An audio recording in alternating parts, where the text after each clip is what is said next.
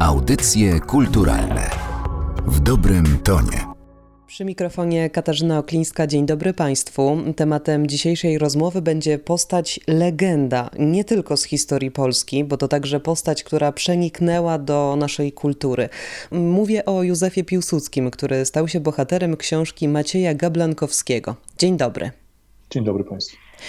Na początek pytanie, które słyszałam od bliskich osób, które widziały mnie, gdy czytałam Pana książkę, a także od osób z redakcji, które patrzyły, jak, jak czytam tę nową pozycję wydawniczą, więc zadam je na początku również Panu. Po co kolejna biografia Piłsudskiego? No dobrze, a ile ich jest? Nie jest ich wcale tak dużo, wbrew pozorom.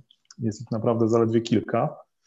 A po co kolejna? Kolejna jest po to, no, ona, ja bym powiedział inaczej, tą książką chciałem wyjść trochę poza, poza to, co jest już napisane o Józefie Piłsudskim.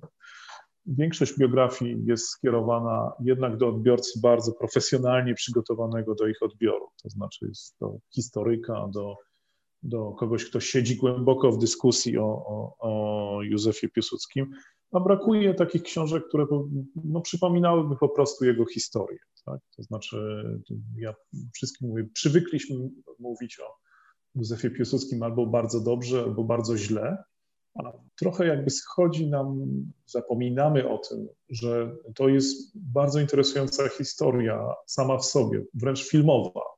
Ten człowiek po prostu miał niezwykłe przygody i to zarówno o te w typie kryminalno-sensacyjnym, jak i takie w typie romantycznym czy melodramatycznym. Ja napisałem swoją książkę po prostu, żeby o tym przypomnieć.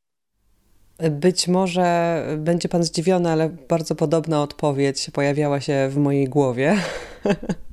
Rzeczywiście ta książka została napisana z nieco innej perspektywy, ale myślę, że przekonają się o tym ci, którzy po tę publikację sięgną. Piłsudski Portret przewrotny, biografia to pełny tytuł e, książki, ale bardziej niż tytuł zaskakuje fotografia, która zdobi okładkę. To oczywiście zdjęcie Józefa Piłsudskiego, ale zdjęcie kolorowe. E, proszę coś o nim powiedzieć. Czy to był Pana pomysł, Pana wybór? Fotografia skłania do przemyślenia przemyśleń, bo przyzwyczailiśmy się do czarno-białych wizerunków marszałka, a tu nie dość, że kolor, to też sama twarz jakby w lekkim półuśmiechu. Y, tak, znaczy ja muszę powiedzieć, że akurat to zdjęcie i inspirację, żeby to, była, żeby to był kolorowy portret, zawdzięczam jakiejś wystawie w Nowochódzkim Centrum Kultury, gdzie właśnie to zdjęcie zostało wykorzystane. I pomyślałem sobie, że to widziałem już setki fotografii Józefa Piłsudskiego, ale nigdy tego, to, I pomyślałem sobie, kurczę, że jeszcze, jeszcze są fotografie, które potrafią go z innej strony pokazać. I co więcej, dosyć szybko się zorientowałem, dlaczego, bo to nie jest specjalnie korzystna fotografia, można powiedzieć. W ogóle inne fotografie z tej sesji, czy z tego, nazwijmy to, czasu są dostępne i tylko, że tam na nich on, Józef Piłsudski zawsze wygląda tak bardziej dostojnie, jest takim bardziej prawdziwym komendantem, bo to jest, są właśnie, podejrzewam, że to są właśnie rok 15, 16 te zdjęcia, jeszcze w mundurze strzeleckim. I pomyślałem sobie, że jednak są ciągle rzeczy, są ciągle ujęcia Józefa Piłsudskiego, które potrafią zaskoczyć i które potrafią no, wybić z tego zwykłego rytmu myślenia o nim. Takiego chciał pan pokazać Józefa Piłsudskiego, innego, nie tak groźnego, podobnego do nas. Chciał pan y, przybliżyć tę postać osobom, które nie sięgną po kilkuset stronicowe naukowe opracowania o jego życiu? Tak, to, to, był, to jest mój cel. To był mój cel przez cały czas pisania tej książki. Ja nie wiem, czy ja chcę y, ściągać z niego grozę jakąś, czy, ale rzeczywiście mnie Piłsudski interesuje trochę bardziej całościowo, jako człowiek, nie tylko jako polityk, ale w ogóle jako.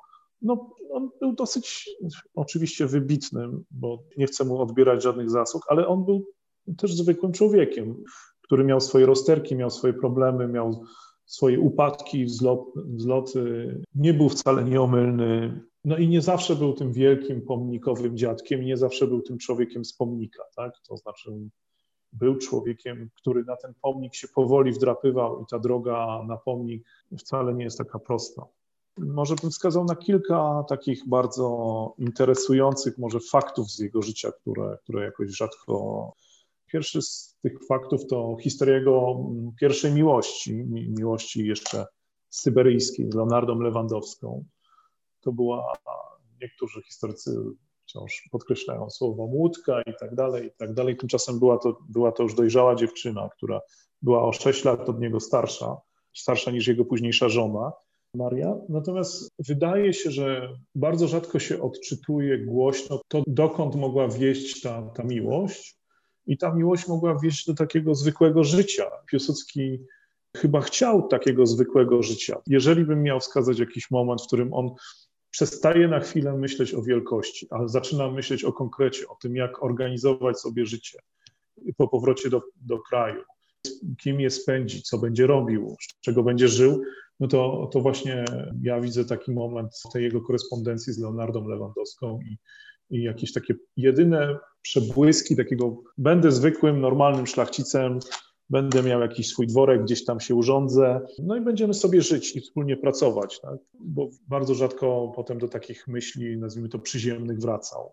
Inny zupełnie moment to jest paradoksalnie ten moment, w którym ja Piłsudskiego najbardziej lubię.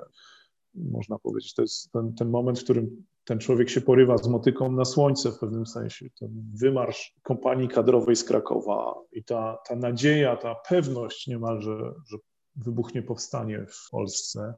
Przypomnę, że Piłsudski wtedy, notabene też niezbyt, niezbyt przygotowany sposób ogłosił powstanie rządu narodowego w Warszawie, choć tego rządu oczywiście nie było.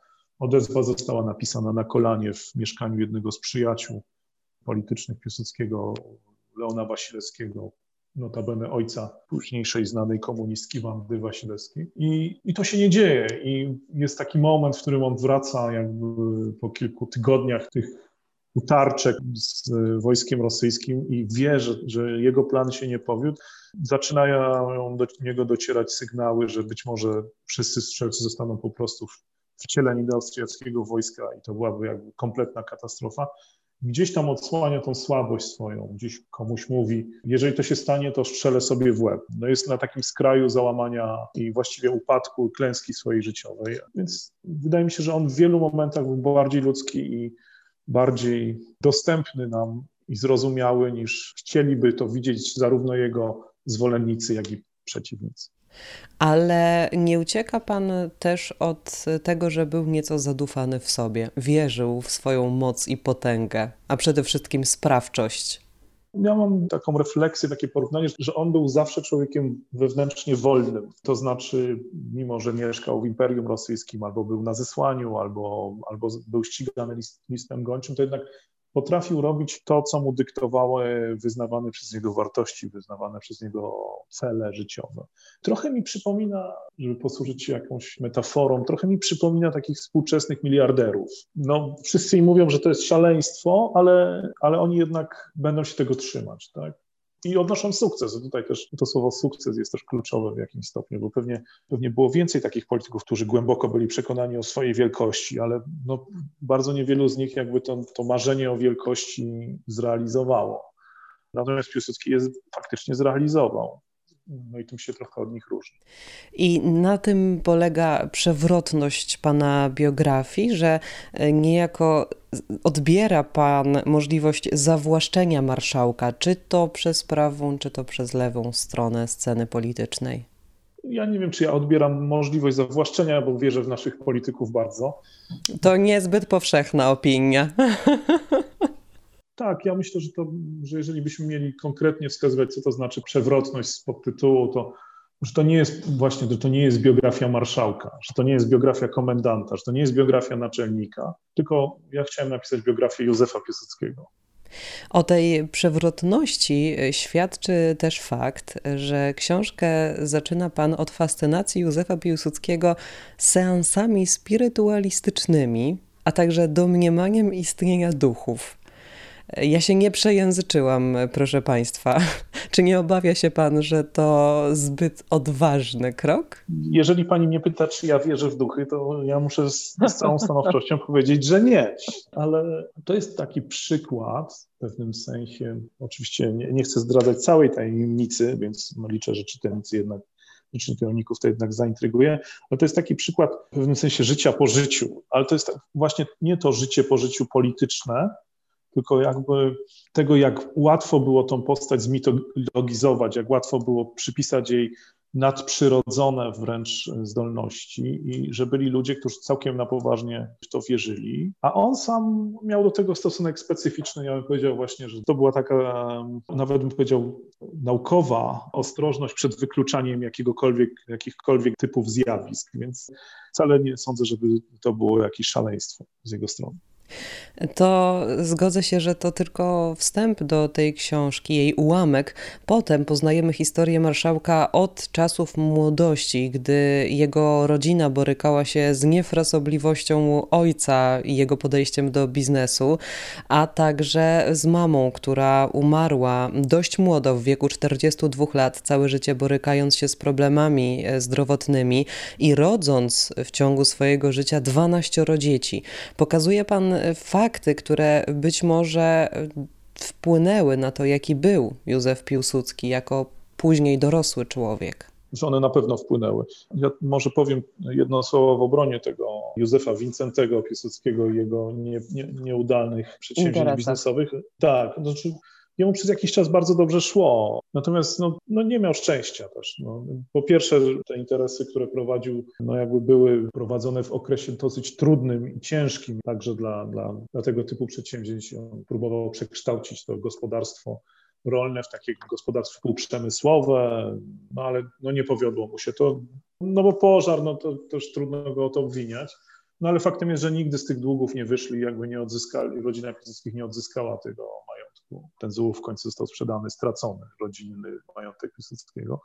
Ale był to człowiek jak, jakoś tam też wybitnie uzdolniony. Na przykład coś, co na mnie robi nieodmiennie wrażenie, to, że był to wielki miłośnik muzyki, który też samodzielnie komponował, o czym się rzadko wspomina. Natomiast czy to wpływało na Józefa Piłsudskiego? Bez wątpienia tak. To znaczy to przejście z tej idyllicznej młodości w Zułowie do dosyć ciężkiego życia w Wilnie, no i wcześniej umierająca matka, która, która w pewnym sensie tą wczesną śmiercią, w okresie, w którym jakby nie kwestionuje się też roli matki w życiu, ten bunt chyba przychodzi trochę później, a zawsze nastolatkowie się buntują przeciwko rodzicom choć trochę.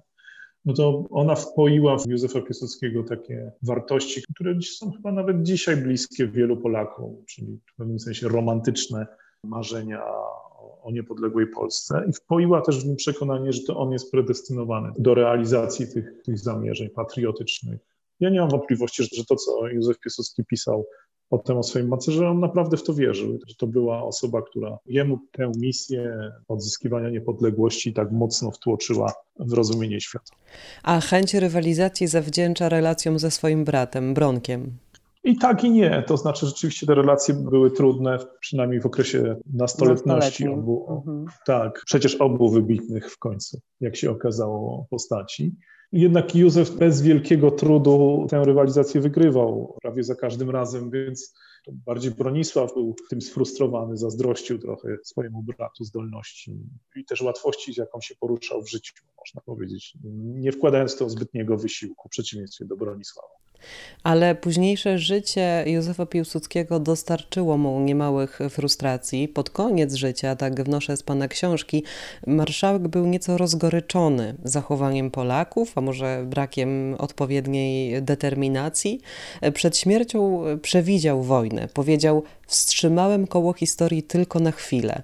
Co by było, gdyby nie umarł? Tego tematu nie poruszył Pan w książce, a jest bardzo ciekawy. E, jest Pan historykiem, więc oddaję Panu głos. No właśnie, nie poruszyłem go rozmyślnie. to znaczy, ja nie wiem. Naprawdę nie wiem.